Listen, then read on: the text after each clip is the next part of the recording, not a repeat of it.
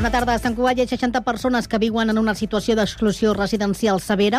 Segons dades dels serveis socials de l'Ajuntament, d'aquestes, 16 dormen al ras i 15 ho fan en barraques, cotxes o caravanes. La resta no tenen un habitatge segur o bé ocupen espais no habitables o viuen en llocs diferents i ho alternen amb el carrer. Aquesta és una realitat invisibilitzada a Sant Cugat que Cugat Mèdia explica aquest 10 d'octubre, Dia Mundial de les Persones Sense Llar. Des de Càritas expliquen que cal un treball important amb aquest tipus de persones, com diu Sagrario Palomino, treballadora social de Càritas Sant Cugat. L'escoltem. No tothom té la mateixa capacitat, han perdut també, hi ha gent que ha perdut habilitats socials i inclús la, el, el creure no, amb, les, amb les altres persones que es van creuen pel carrer. Vull dir que és, és un treball de, de, de crear vincle, de crear confiança, de donar espais en els que les persones puguin sentir més segures i a partir d'allà començar a treballar altres coses. Càritas compta amb el menjador social, el servei de dutxes i la bugaderia, a més de pisos d'homes o de dones, per lluitar contra aquesta exclusió residencial severa també existent a Sant Cugat. És dimarts 10 d'octubre de 2023. També és notícia que el Consell d'Administració de l'ENS Aigua Ter Llobregat, ATL, ha proposat aquest dimarts a pujar un 33,7% a la seva tarifa mitjana, que passarà de 74 cèntims a 99 cèntims per metre cúbic. L'increment haurà de ser validat aquesta tarda pel Consell de la xarxa Ter Llobregat i el Consell d'Administració de l'Agència Catalana de l'Aigua. Segons detalla la companyia, que és qui abasteix d'aigua a Sant Cugat, la pujada es començaria a aplicar al gener de l'any vinent i tindria un impacte d'un euro per persona i més, malgrat malgrat que l'import definitiu pot variar en funció de cada municipi. Entre els motius de la pujada, que acaba amb una congelació de preus vigent des del 2017 i a la sequera el preu de la llum i el sobrecost que causa en l'ús de plantes desaladores. Els Mossos d'Esquadra ha incrementat la protecció de la comunitat jueva de Catalunya arran de l'atac de Hamas a Israel. En aquesta mesura preventiva està inclosa l'escola jueva Tikva, ubicada a Valldoreix, segons confirma els Mossos a Cugat Mèdia. I Teo Ballesta i Guillem Estiguar és la parella guanyadora de la marxa infantil d'aquest 2023. A banda d'ells dos, el Club Muntanyenc concedeix molts més premis en diferents categories, com per exemple a l'escola amb més participants, que ha sigut el Joan Maragall. Aquests premis s'entregaran en un acte públic a la plaça Pep Ventura el dissabte 28 d'octubre a les 10 del matí. Poden consultar tota la classificació a www.cugat.cat. Res més per ara. La informació torna d'aquí una hora amb la deixa sintonia. Cugat Mèdia, la informació de referència a Sant Cugat.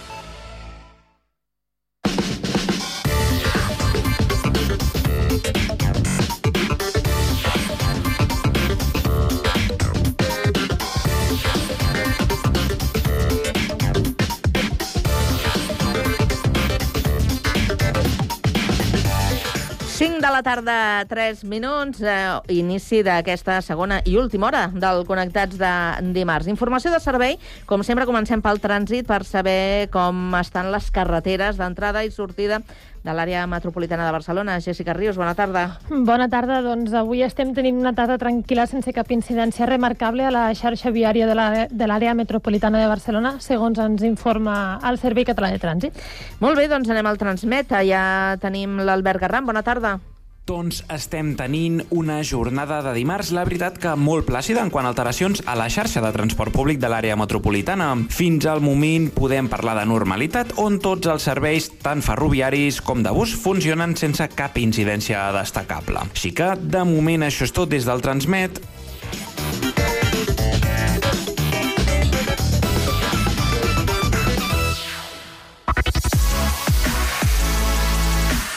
Connectats, una experiència radiofònica a Sabadell, Terrassa, Sant Cugat, El Prat, Castellà i Badalona.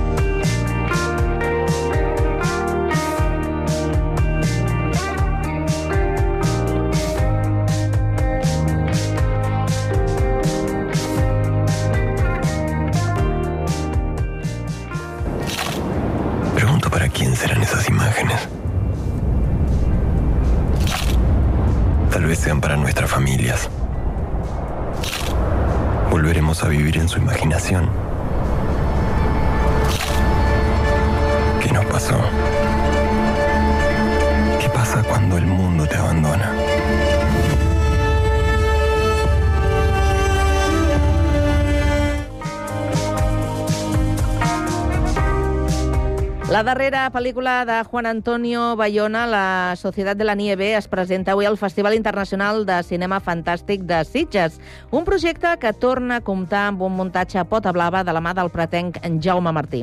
El Luis Rodríguez Alonso del Prat Ràdio s'ha colat al seu estudi. Luis, bona tarda. Què tal? Bona tarda, Carme. Així és, la Premier catalana més arriba després a emportar-se el Premi del Jurat al Festival de Sant Sebastià i ser la representant espanyola en la carrera cap als Oscars de Hollywood. Jaume Martí, què tal? Com estàs? Molt bé perfectament.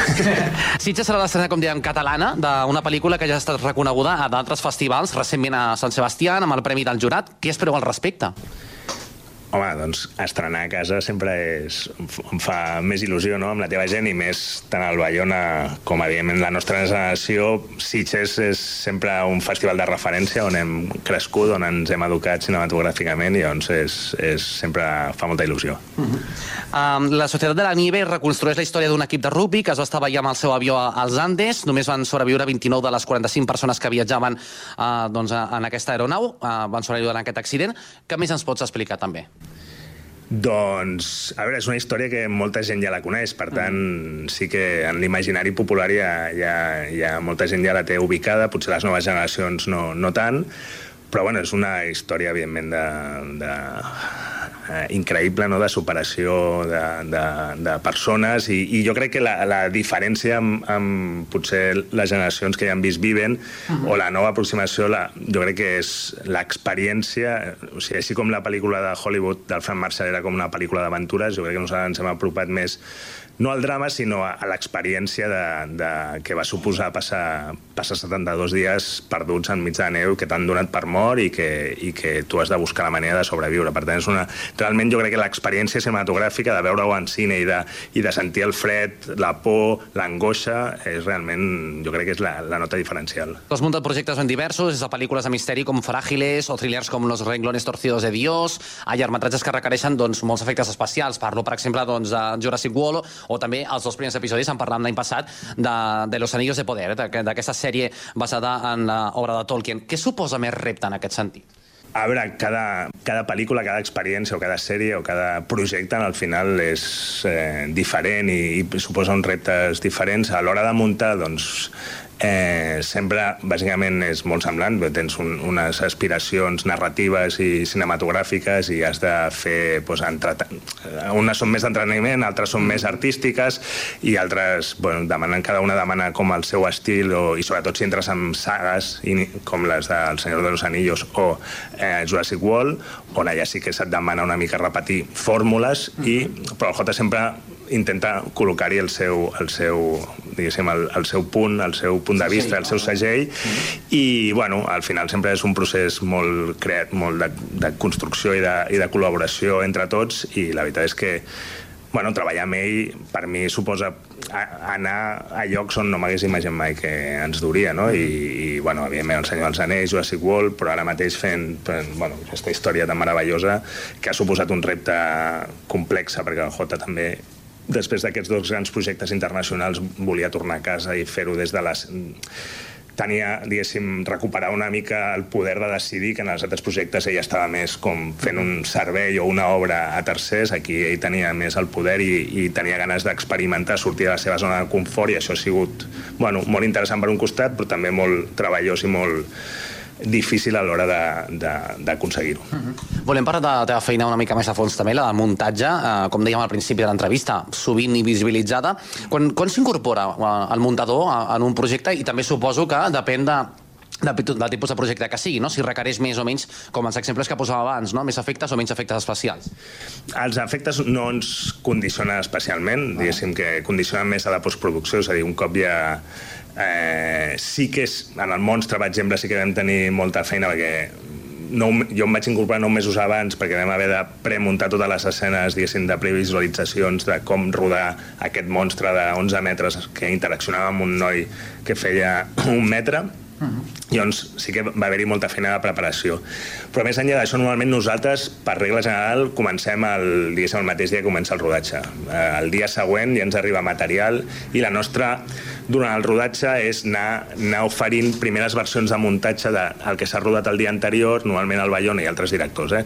però generalment si poden passar per la sala de muntatge, passen un cop acaba el rodatge, es visiona el que s'ha fet el dia anterior i ja es comença a, a, a decidir, a, als directors els hi permet anar trobant la pel·lícula, anar entenent la pel·lícula que estan fent, o sigui, aterrar la pel·lícula que fins aquell moment ha estat sobre paper o en un imaginari més abstracte, uh -huh. els hi permet anar agafant seguretat amb el que funciona, el que no funciona, el que no sé, i per una altra cosa nosaltres anem trobant també la manera de narrativa, quin, quina és la narrativa que demana aquesta pel·lícula concretament. I després del rodatge que és una feina més d'anar més al dia, doncs és on realment ja tot es reposa una mica més i podem començar a decidir doncs, bueno, a, a trobar la peli, que en aquell moment és un monstre una mica més desbocat, i anar-la com, com, bueno, com acotant, simplificant, fent que la narrativa sigui més funcional, sigui més directa, bueno, el que, el que demani cada projecte. Mm. Has dit Podem, per tant parles en plural, i això vol dir que també, doncs, eh, d'alguna manera, el muntador o muntadora també pot tenir una influència, no?, en definitiva. Sí, no, no, hi ha molts, hi ha molts evidentment, la nostra la nostra capacitat de canviar les coses és, és molt important. Normalment la gent... Jo, perquè la gent ho entengui, seria com quan, quan ho intento explicar sempre poso més l'exemple del guionista. Els, el, la gent entén fàcilment el que fa un guionista, que en paraules, però escriu, reescriu, canvia d'ordre les coses, es crea personatges o, o bueno, saps, podem fer el mateix amb un univers més acotat, perquè ja no tens a l'infinit com la, el paper en blanc, que pots crear el que vulguis, sinó que aquí tenim un univers acotat, però el mateix podem fer desaparèixer personatges, com a un monstre va veure'm que la, el, el Connor tenia una amiga i va desaparèixer a la sala de muntatge, podem personatges que eren secundaris eh, que tinguin molta més rellevància perquè semblava que no tenien però veiem que funcionen bé com a contrapoder com a, per lo que sigui. O sigui, inventem línies de diàleg igual que es fan bueno, doncs, tenim tots aquests recursos i evidentment el, on puntuem on posem l'accent on, per exemple on posem música on tot aquest tipus de coses les decimem a muntatge.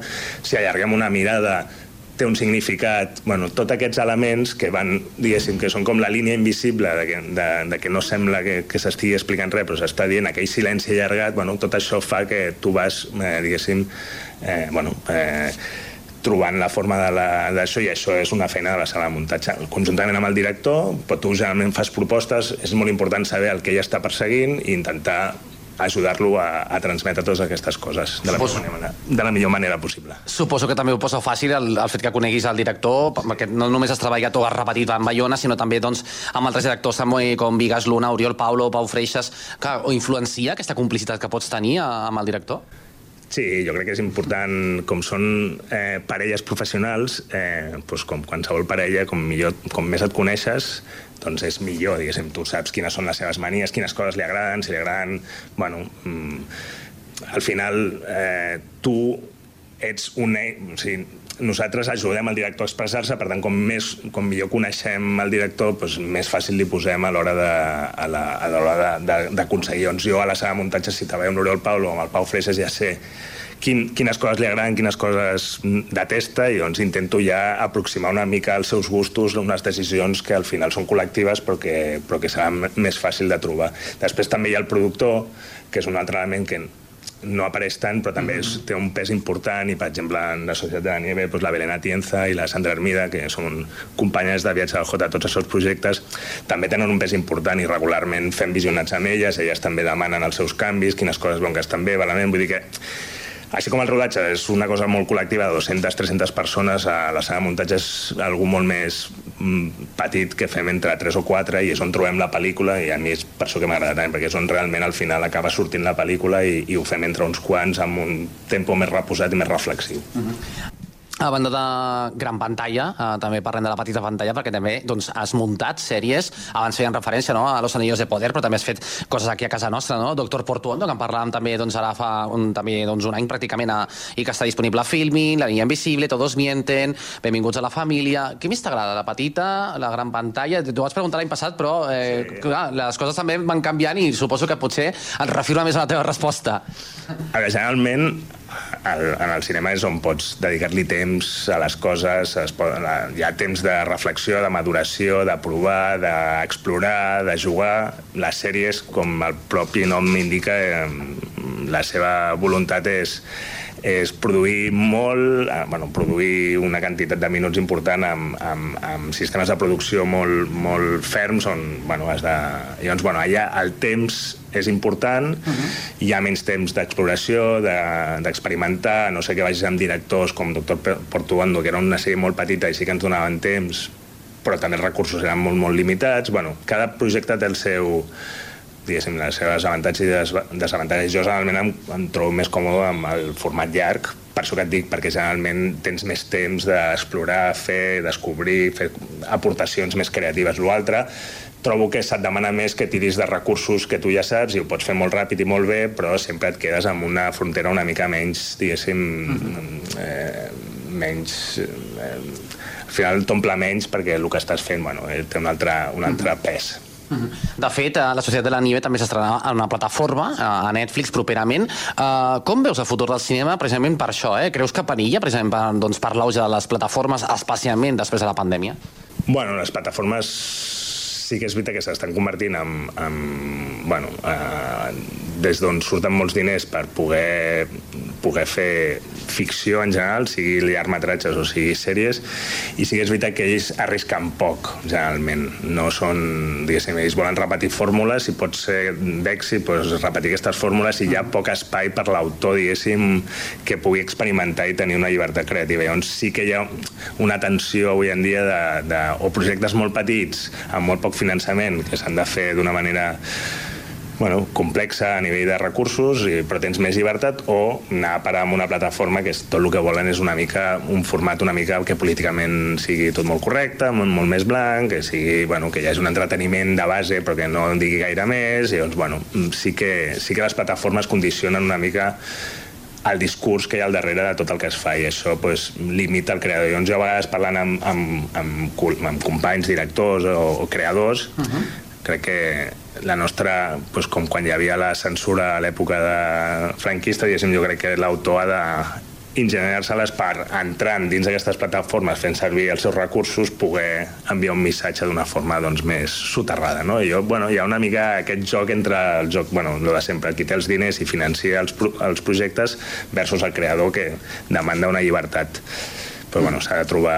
Ara mateix, bueno, és, els qui paguen doncs, manen i, i s'han de trobar maneres de, de poder trobar certs, bueno, certs moments de, d'això, de, de, de poder expressar-se com a autor, perquè repetir fórmules al final, bueno, cansa. No sé, amb la intel·ligència artificial suposo que ho acabaran fent les màquines, repetir fórmules. Vull dir que, que, que amb tot això potser al final l'autor acabarà estant reconegut també perquè al final buscarem alguna més autèntic que no pas el fet de repetir, repetir, repetir jocs que ja els hem viscut. Mm, clar, en aquest sentit, la IA eh, suposa un repte per vosaltres, per, doncs, per la gent que us dediqueu a això, a muntar pel·lícules? Suposo que sí. Bueno, és com tot, estem una mica a les beceroles encara tot això. No, no sé com acabarà sent, però sí que hi ha un punt que jo crec que aquesta repetició infinita de, de, de segons quins gèneres o jocs o de no sé què acabarà sent més productiu que ho faci una màquina que no que hi hagi molta gent al darrere implicada. Llavors, no sé, no sé què passa, però sí que crec que aquesta multiplicació de,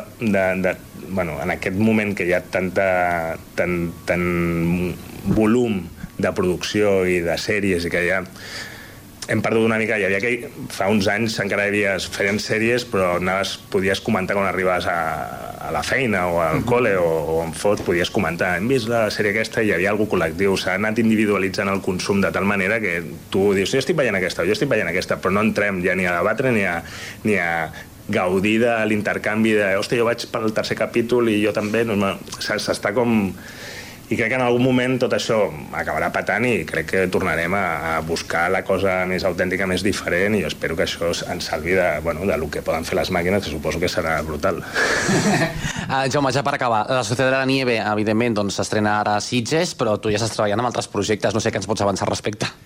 Doncs sí, mira, ara vinc d'acabar la segona temporada amb el Pau Freixas de Todos Mienten, que és una sèrie per Movistar, que s'estrenarà a l'octubre, o bueno, a final d'any, crec que abans d'acabar l'any, uh -huh. i començo una sèrie molt, molt petita que per ara es diu 18, no sé quin nom tindrà, amb el Hamoudi, el Ramon, el Ramon Font, que és un director mig sirià, mig català, uh -huh que últimament ha fet més feina a Mèxic, perquè se'n va anar cap allà a treballar, i ara ha tornat i fa una sèrie molt, molt petiteta per eh, IB3, la cadena Televisió Espanyola, el Place, la cadena... Uh -huh. sí. i, i el Canal 9, bueno, com es digui ara, a, a punt, a punt, a punt, sí. a punt. Doncs una coproducció d'aquestes tres plataformes i és una sèrie molt, molt petita, rodada a València, sobre, bueno, sobre un xaval d'això de menors acompanyats, aquests. Amb, bueno, és, és una història molt... La veritat és que és una sèrie de sis capítols de 30 minuts que m'he molt de gust fer i, i això ho farem ara mateix i després ja lo de l'Ivan Morales a principis d'any, que també és la seva estrena a la, en el llarg i bueno, ve de gust fer... La veritat és que m'agrada combinar coses com aquestes que són una mica amb coses molt més petites i, i molt més artesanals, si vols dir d'alguna manera, doncs per, bueno, per estar en contacte amb tot. Jo, Martí, muntador del Prat de Llobregat i doncs, eh, responsable d'aquesta darrera pel·lícula, novament amb, amb Bayona, eh, i que doncs, estrena al Festival de Sitges. Gràcies per acompanyar-nos avui. Bona tarda. Bona tarda a tots.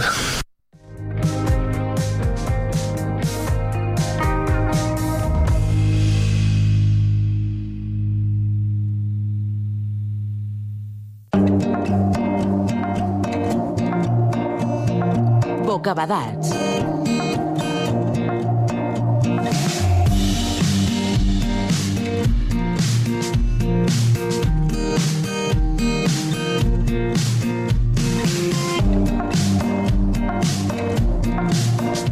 El Servei Local de Català de Sant Cugat ens presenta el seu podcast L'anell al dit, on descobrirem on s'ensenya el català, ens plantejaran algun repte lingüístic i, a més, ens recomanaran alguna lectura. Tot de la mà del professor Josep Asamà. Tal com deia Miquel Martí i Pol, el poema és la nit i un valencí al terrat, i ell assajant de dir coses amb veu baixa. Si apaguessin els llums del pont i els llums dels carrers i els de les cases, el poble seria paurosament gran, tràgicament indefens. El poema és la nit, la nit del poble. El poble i la nit en una meravellosa harmonia, com l'anell al dit.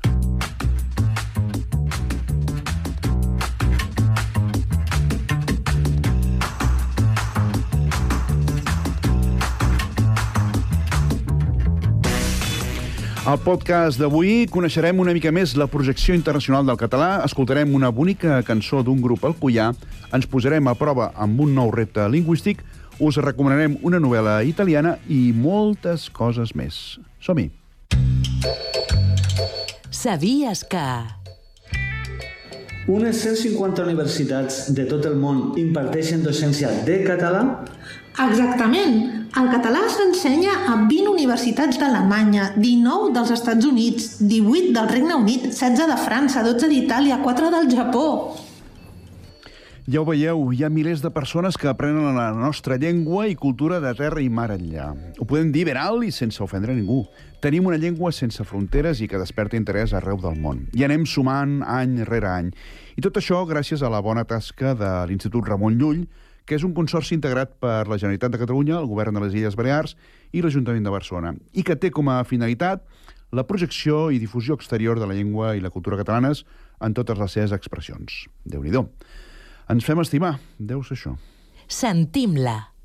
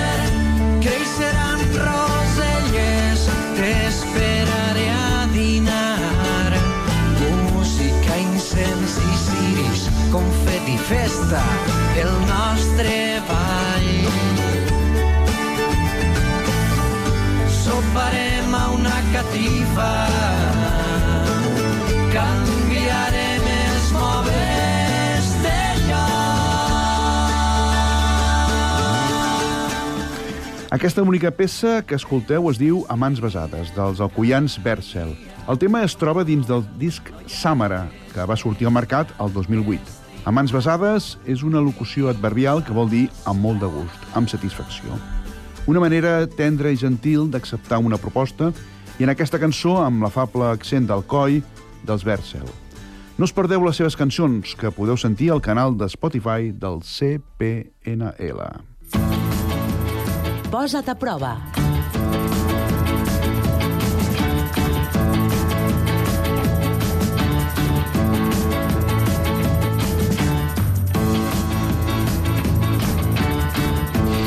I ara arriba el moment de posar a prova el nostre enginy lingüístic.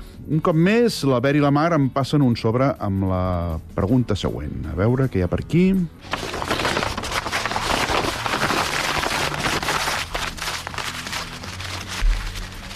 Diu el següent. Eh, si hagués continuat apostant, potser hauria fet molts més calés. Però, vaja, más vale pájaro en mano que ciento volando. És a dir, és preferible acontentar-se amb poca cosa, però segura a viure d'il·lusions. Saps quina és l'expressió catalana equivalent? Opció A. Val més torrefeta que Castellserà. Opció B. Val més ocell en mà que haver d'esperar. Uh -huh. Aquesta és complicada, eh? Pot ser l'opció A? Gràcies, gràcies, moltes gràcies. Correcte. Molt bé. La dita equivalent en català és val més torrefeta que castell serà. Una frase feta ben maca. De fet, totes dues poblacions existeixen. Es tracta de dos petits pobles de la comarca de l'Urgell, separats per menys de 30 quilòmetres. Si us agrada jugar amb aquest tipus de qüestionaris, a la secció Posa't al dia del nostre web, de, del Consorci per la Normalització Lingüística, és a dir, el cpnl.cat barra Sant Cugat, n'hi trobareu més. L'hora del lector.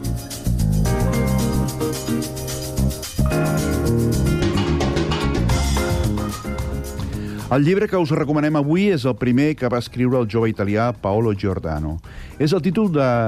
que s'anomena La solitud dels nombres primers i juga amb les relacions humanes i les matemàtiques, ja que el protagonista de la novel·la, en Matia, havia après que entre els nombres primers n'hi ha alguns que són especials, els primers bessons. Són parelles de nombres primers que estan de costat perquè entre ells sempre hi ha un nombre parell que els impedeix tocar-se realment. Doncs en Matia pensava que ell i la, i la Nietzsche eren així, dos primers bessons, sols i perduts, propers però no pas prou per tocar-se realment. Us llegiré la primera i la darrera frase del llibre. La primera diu la Litxe de la Roca odiava l'escola d'esquí. I l'últim al llibre diu amb una mica d'esforç se sabia aixecar tota sola. No t'equivoquis.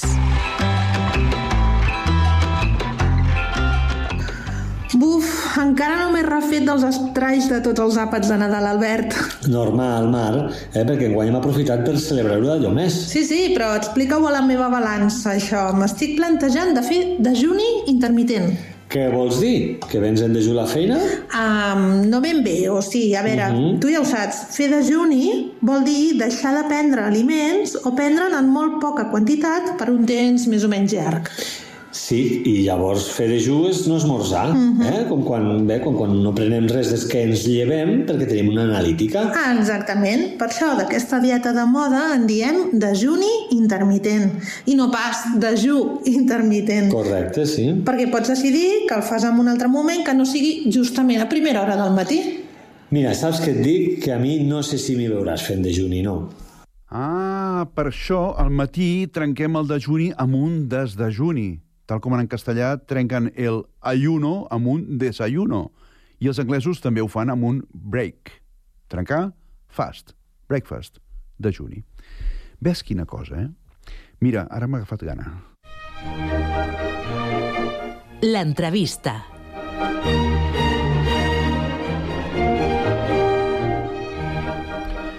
És molt agradable conèixer gent catalanoparlant que et regala una hora de la seva setmana per ajudar-te a practicar el català. Això és el que ens va dir una vegada la, la Clara, una alumna argentina que aprèn català i que aprofita els serveis del voluntariat per la llengua per practicar el nostre idioma fora de les aules. Avui la tenim al programa perquè ens expliqui més coses i, com sempre passa en les entrevistes de l'Anell al dit, li farem tres preguntes. Hola, Clara. Per què es vas decidir a aprendre català? Vaig decidir aprendre català eh, perquè m'agrada molt i vaig viure de petita a Barcelona i ja m'agradava parlar-ho i eh, quan, quan vaig arribar l'any passat a, a Barcelona una altra vegada eh, em vaig decidir per trobar un, qualsevol lloc eh, on poguessi aprendre a escriure també i perquè la meva professió és la comunicació i vull parlar-ho i també escriu, escriure eh, correctament, Correctament. la llengua. Uh -huh. Hi ha algun apartat de la llengua catalana que et sobti o que trobis estrany?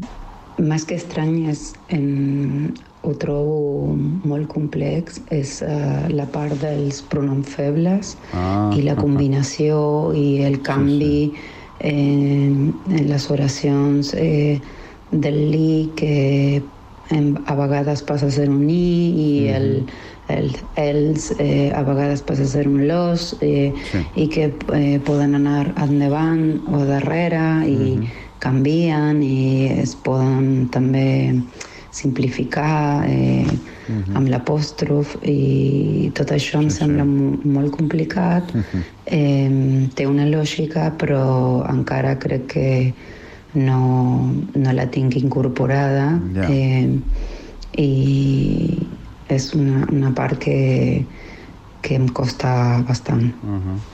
I quines són les dues o tres paraules o expressions que t'agraden més del català?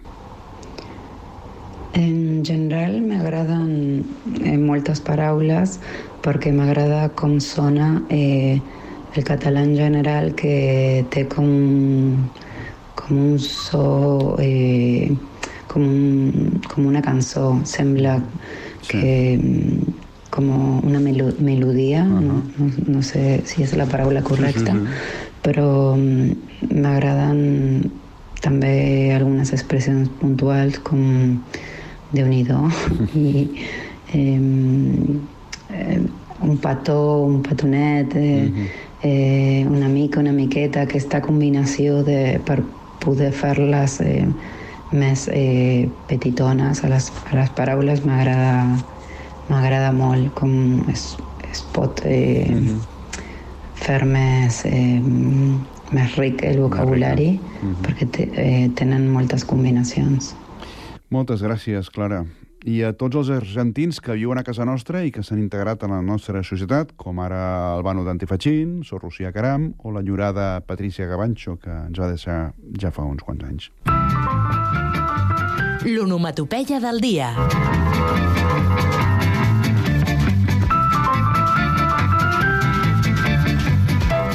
I ara parlarem de gats.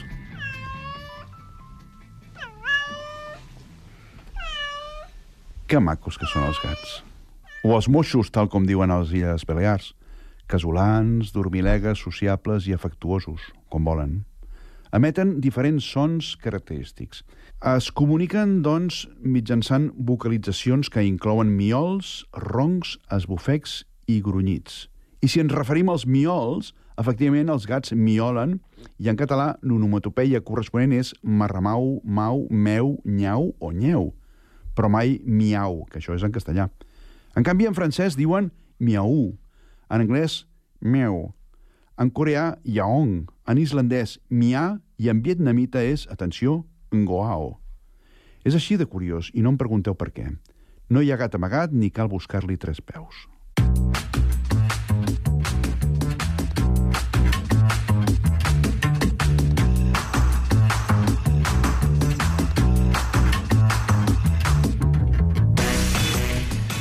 Esperem que hàgiu passat una bona estona escoltant el programa, el qual podeu tornar a sentir tantes vegades com vulgueu. Només cal que busqueu els podcasts de l'Anell al dit al compte de Cugat Mèdia.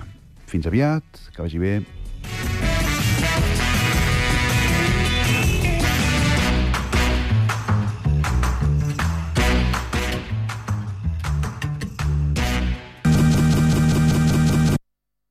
Aquest podcast és una producció de Ràdio Sant Cugat.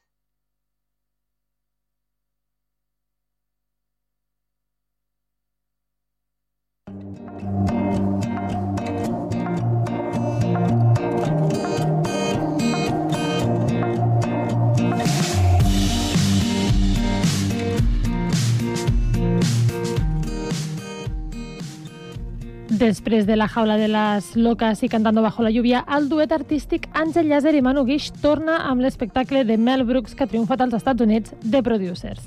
En aquesta parella artística, si incorporem el nom d'Enric Cambrai, l'èxit està assegurat.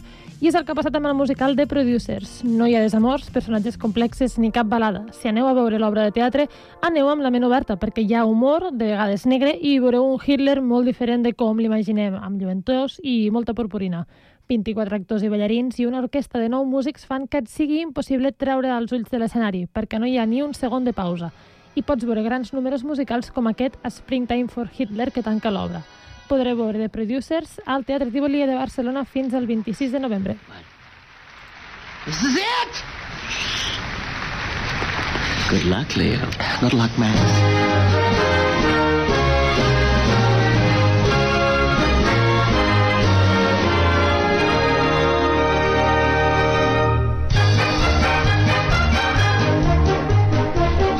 你我想。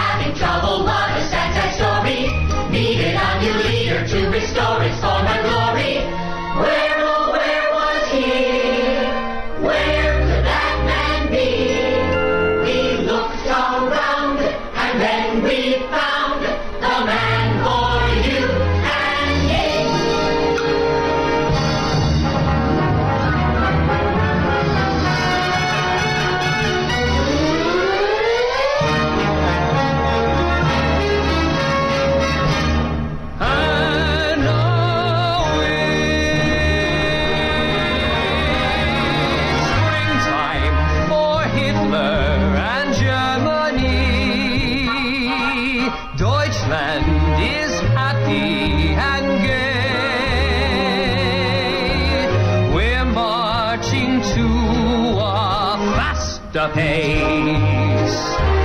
Look out, here comes the master race. Springtime for Hitler and Germany. Rhineland's a fine land once more.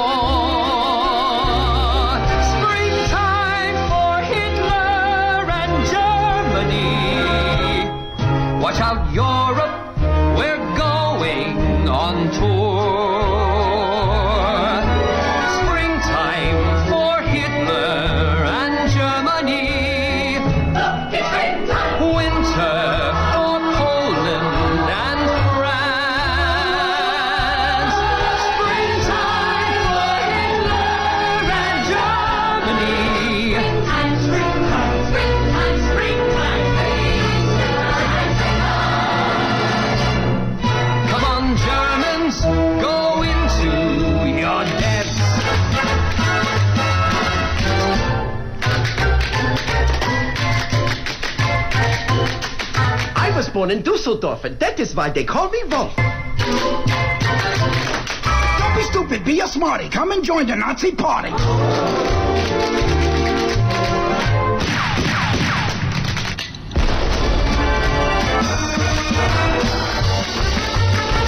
I never talk about bad taste.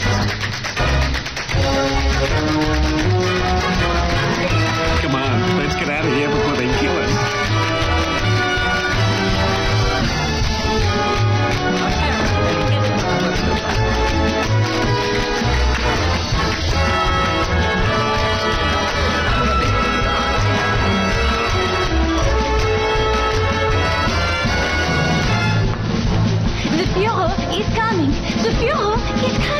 the fuel.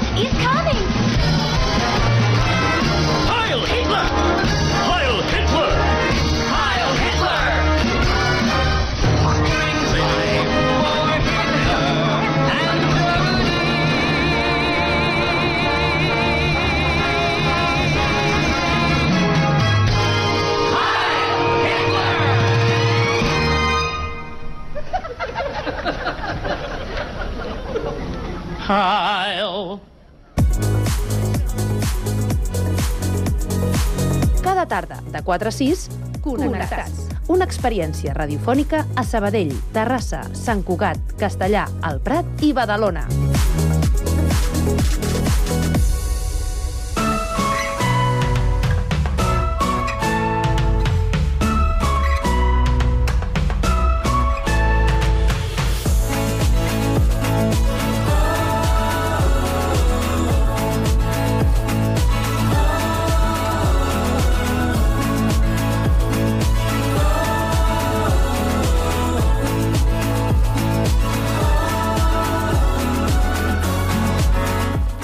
Ja estan en marxa els Premis Miquel eh, Fàbregas de documentals organitzats per la Unió Excursionista de Sabadell. Van a càrrec de la secció de foto i vídeo de l'entitat i a la capital del Vallès i tenen un protagonista. Pau Duran, bona tarda. Qui ens parlarà de tot això? Bona tarda, doncs volem que ens en parli en Josep Rota, que és el coordinador de la secció. Benvingut, Josep. Hola, bona tarda. A veure, explica'ns primer una mica aquests premis eh, de Fàbregas en què consisteixen. Bé, els Premis Miquel Fàbregas, Fàbregas és un concurs de documentals i reportatges molt especialitzat que fem actualment a l'OES i que ja anem per la 17a edició. 17a? 17a. A punt de 17 anys. fer-se major d'edat, ja, eh? Exacte, vam començar el 2006 no, el 2007, i si no m'equivoco, doncs són 17. I no vam parar ni per la pandèmia, ni per res, bé, i, i es tracta d'això, un festival especialitzat en documentals i reportatges. I a partir d'aquí eh, es tracta una mica de localitzar-los i ja us ve una mica la, la gent a portar el, el que he fet, les seves obres. Quin, quin xup-xup fa durant? Nosaltres fem una convocatòria a nivell d'un d'un distribuïdor internacional i per això vol dir que tenim pel·lícules de tot arreu eh, i només exigim... De tot arreu vols dir? De tot el món? Sí, per exemple, doncs, aquest any en tenim una d'Honduras i n'hem tingut més. Ara estem mirant només les, les finalistes. Com internacional, una altra de Portugal i em sembla que aquest any acabem. Però, en fi, les triem. N'hem tingut 59 de presentades i n'hem seleccionat 17 que són les que passem aquests dies als, a l'OES. Déu-n'hi-do rebre una seixantena, no? Sí, estem contents. Això vol dir que, el, que el, el, el, el festival, els premis, que no donen dotació econòmica, i això és important de dir-ho, eh, tenen ja, acostumen a, comencen a tenir un prestigi i són coneguts dintre el món de la producció de documentals. Ara que sempre no, les plataformes donen aquesta sortida, ai, la ficció i la inversió i tal, quin paper juga, creus, el, el documental avui en dia? El documental és un gènere minoritari, no t'enganyaré, perquè la ficció se'l menja. És a dir, el nostre concurs estem contents per haver tingut 59 inscripcions, però si fos uh, un, un, un concurs aquest mateix també ficció i tot tema de gèneres, potser en haguéssim tingut 300 o 400. Aquesta és la... Per tant, el documental, com que potser genera menys expectatives de guany econòmic, també és més minoritari. Nosaltres ja ens va bé, perquè en el fons fem el que ens agrada fer, i el grup de l'OES doncs, són gent que fa documentals i volem veure els nostres i, i, i altres documentals més... Eh, amb més producció comercial o a professional i comparar-los amb els nostres i és el que fem. Què creus que us fa diferents els, els documentalistes, el, a la gent que li agrada fer audiovisual mm, amb, amb aquesta veracitat, sense jugar a la ficció, a la interpretació, al falseig, si li puc dir així? Mm, em sembla que és jugar amb, amb un altre terreny que potser no, no, no, no t'has plantejat mai. Mm, Hi ha grans ficcionistes, hi ha grans directors de ficció que, s'han fet, que han fet documentals.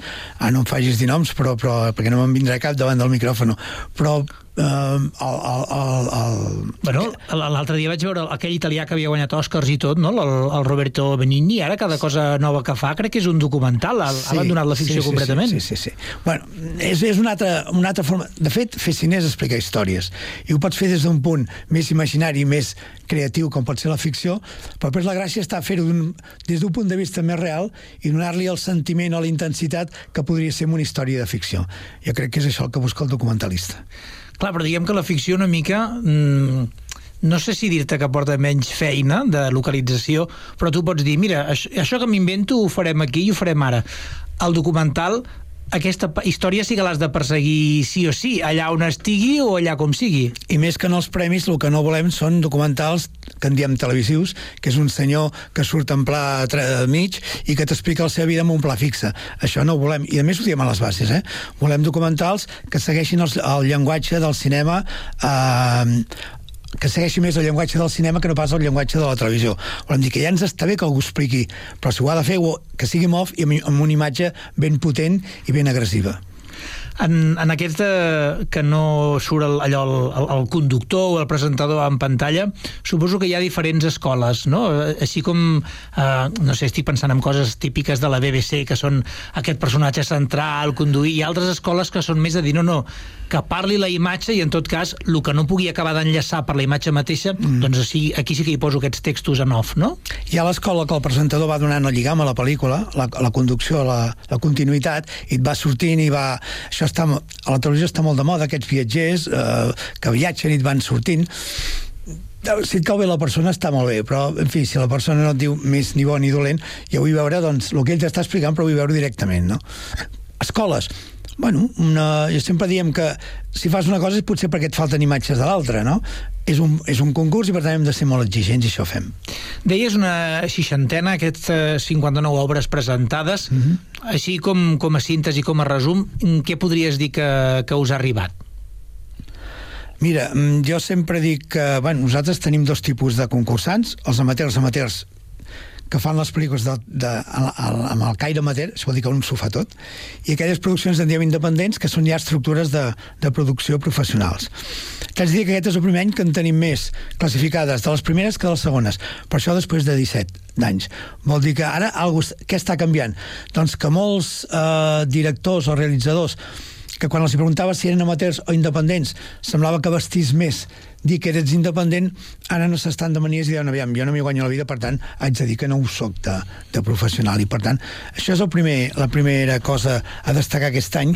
I la segona és que, a base d'especialitzar-nos, encara hem fet quatre apartats dins dels documentals que competeixen independentment. Ah. Eh? Per exemple, ja que estem en un club d'alpinisme, com és l'Oest i d'excursió, eh, el primer apartat, i no diria principal, però que hi ha de ser, són les, els, els documentals de, de muntanya, esports de muntanya, aquest seria un, però encara en fem tot un amb el següent, que és natura i biologia, és a dir, documentals de muntanya o esports de muntanya o esports, natura i biologia és un apartat. Un altre apartat que era molt, molt produït fa un temps, sobretot pels, pels aficionats, era els documentals de viatges, també el mantenim, i és el segon. El tercer són documentals socials, vull dir, mm, documentals que tractin el tema de gènere, eh, minor, mi, minories ètniques o minories socials, etc etc, malalties, etc etc. Això potser diríem que és el del gènere que està més en moda avui, o fins avui, ja començo a dubtar-ho perquè aquest any no en tenim, no és l'any que hagin apretat més, i per últim, el documental que en diem cultural, que seria el calaix de sastre, on aniria tot el que és que no és tot l'anterior, però també són biografies, arquitectura, urbanisme, aficions, etc. I aquests són els quatre apartats. D'aquests quatre apartats, les pel·lícules competeixen entre ells, però no amb els altres. La qual cosa obrim més el vano i també fem eh, seleccionant tots aquests temes que tinguem un vano més obert de temàtica diferent. I d'aquestes quatre categories que en relates, mm, a quina creus que... És a dir, entenc que no s'hi ha presentat la gent, sinó que sou vosaltres els que feu la classificació, però en, en quins diries que us han acabat entrant més materials? Mira, eh, nosaltres diem als autors la teva pel·lícula que és i els expliquem què volem i la majoria ens ho diuen i la majoria per dir-te quasi tots, no s'equivoquen. Que passa com que hi ha pel·lícules mixtes o híbrides, ara per exemple hi ha molts documentals que estan explicats com si fos una pel·lícula de ficció i moltes ficcions que te les donen com si fos un documental. Doncs amb això ens passa igual. Hi ha coses que potser està fet amb un viatge, però en canvi és una pel·lícula de cultura, etc etc. Aleshores, permetem que ells, quan tenen dubte, en marquin dos. I després és quan nosaltres triem quin ens sembla que, que pesa més, no?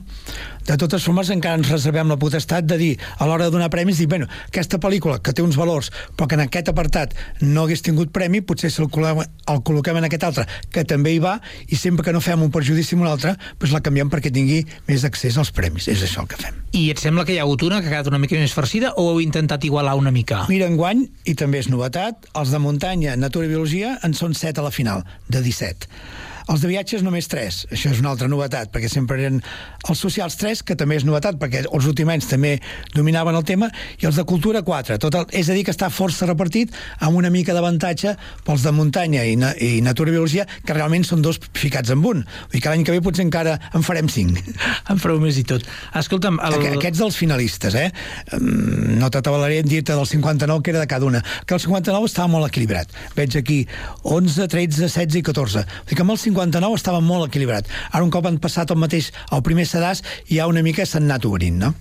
El, n'hem volgut parlar avui perquè ben bé teniu la convocatòria eh, aquest dimecres a les 7 del vespre a la mateixa sala d'actes de la Unió Excursionista de Sabadell. Com és un passi de, de documentals d'aquesta mena? És, simplement és, és, és molt senzill. És el segon que fem, en tenim quatre en total de finalistes, que són 17 pel·lícules, comencem a l'hora i anem passant un darrere l'altre entre pel·lícula i pel·lícula. Ja que ja tenim el jurat que, que, que donarà aquests premis, el tenim a la sala, deixem un temps d'un minut i mig, dos minuts, perquè prenguin notes, i anem passant totes les pel·lícules, hi ha una mica de presentació, i si hi ha l'autor també presenta la seva pel·lícula, cosa que normalment no passa, a vegades hi ha l'autor però no el vol presentar. Això també passa, no? Sí, no, a vegades la gent del cine són més tímids del que sembla. I, i, i veiem les quatre velles i quan s'ha acabat diem fins, a la, fins la setmana que ve i s'acabó. I així està. Si us voleu apuntar en aquest passi de la Oest tenim la, preparats per emetre la Muga, Matí d'Esgrima Terra Inuit, El Cala i Santorini, el paradís del parkour. I estareu present amb la resta de públic i amb aquest jurat qui el composa? Uh, bé, aquest any dic aquest any perquè cada any ho anem canviant. També, és un jurat mixt eh, entre eh, que hi ha tres realitzadors els tres són amateurs, i després dues persones que diem que són públic general, tot i que són públic addicte als nostres passos, per tant, són gent que els agrada.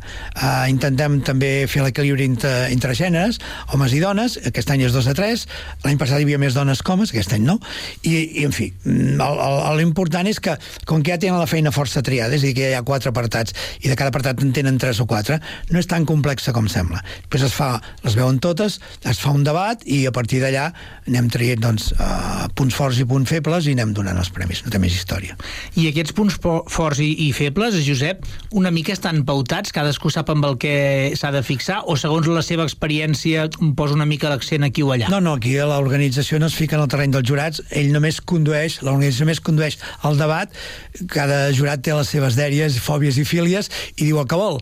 Uh, clar, ha de ser acceptat pels altres jurats. De fet, una, secció, una sessió de jurats és molt divertida.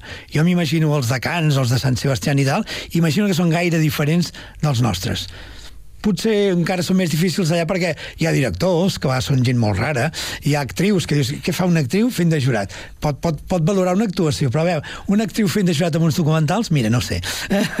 Oi que m'entens? És broma, eh? Però, en fi, nosaltres intentem fer uns, uns jurats que estan en equilibri entre el que seria algú de, ficat en el món i algú que no ho és tant, que se'l mira de fora per, ser, per obtenir un verdicte més global, més, més, més assumible.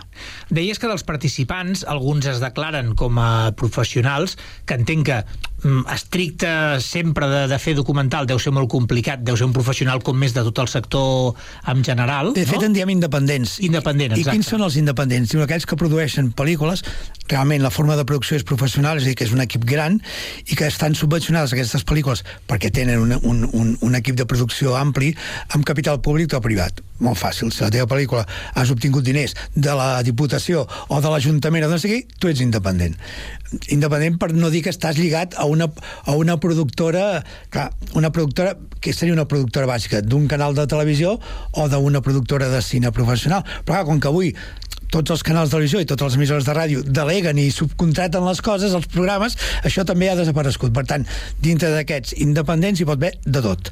Des de gent que diu, no, no, clar, jo he fet això però m'ho ha pagat una ONG, perquè és un viatge no sé on per descobrir no sé què, eh, i això a l'ONG els hi va bé. Doncs fins a aquells que realment necessitaven uns diners perquè tenien uns costos de producció i els han obtingut. Aquests serien els independents. Qui són els no independents? És a dir, els amateurs, aquells que s'ho fan tot ells i també s'ho paguen de la butxaca. Clar, però els primers, els independents, sí que entenc que ja estan en contacte amb un material professional, a les bases, pels amateurs, eh, poseu uns mínims a nivell tècnic? És a dir, jo podria venir amb el meu mòbil que penso que té una càmera relativament bona i dir, mira, jo presento un documental fet amb I, i tant, aquest mòbil. I tant que podria, si t'ho agrairíem molt, perquè tot i que es diu que amb els mòbils també es pot fer pel·lícules, que jo sàpiga no ens n'han portat encara cap amb 17 anys fet amb mòbil. Vull dir que, que jo no ho dubto que es pugui fer, eh? però encara no, encara no ens n'han portat cap. Tot i que hi ha concursos que només ho admeten amb mòbil. No, no, tu pots presentar-te el que vulguis i en el nostre, en, en, en la tasca de l'organització està nivellar tant el, el, la procedència dels participants amateurs o eh, independents que ho, que, ho, que ho nivellem com aquests quatre apartats que hem dit que també n'hi hagi de tot. Vull que realment on hi ha la feina una mica gran és en el jurat de selecció, que aquest ja ha fet la feina, per per lligar aquest, aquesta, per, per, per aconseguir aquesta quadratura del cercle, que sempre és difícil, i que el que t'haig de dir per experiència, que sempre l'aconseguim més fàcil del que sembla. Bueno, això és bona notícia. Josep, gràcies per venir al Connectats. Doncs per vosaltres ja ho sabeu. Demà a les 7 a la UES. A les 7 a la UES, cinema de veritat.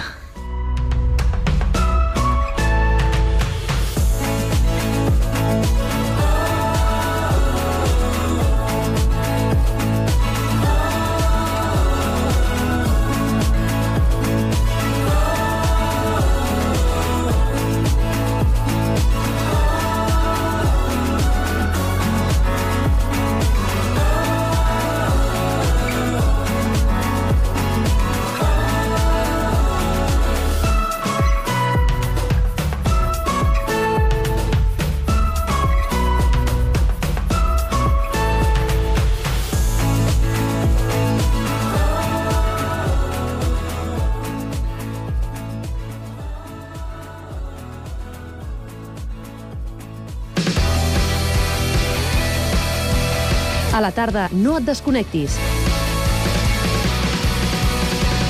Connectats.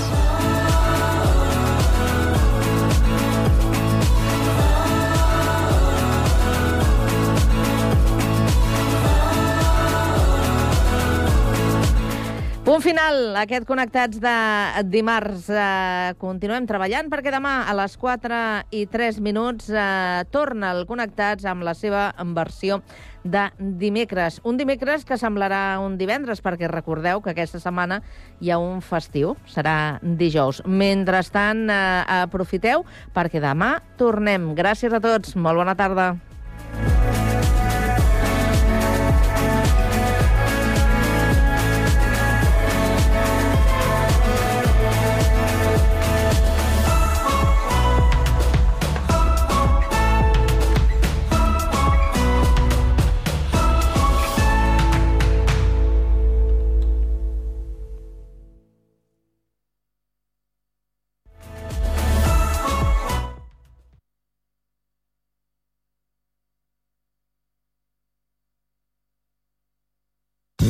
Mateix ser els integrants del millor grup de la història que ser el millor grup de la història.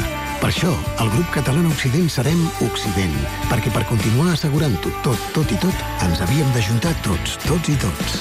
Entra a seremoccident.cat. Cugat Mèdia ofereix un servei per rebre l'actualitat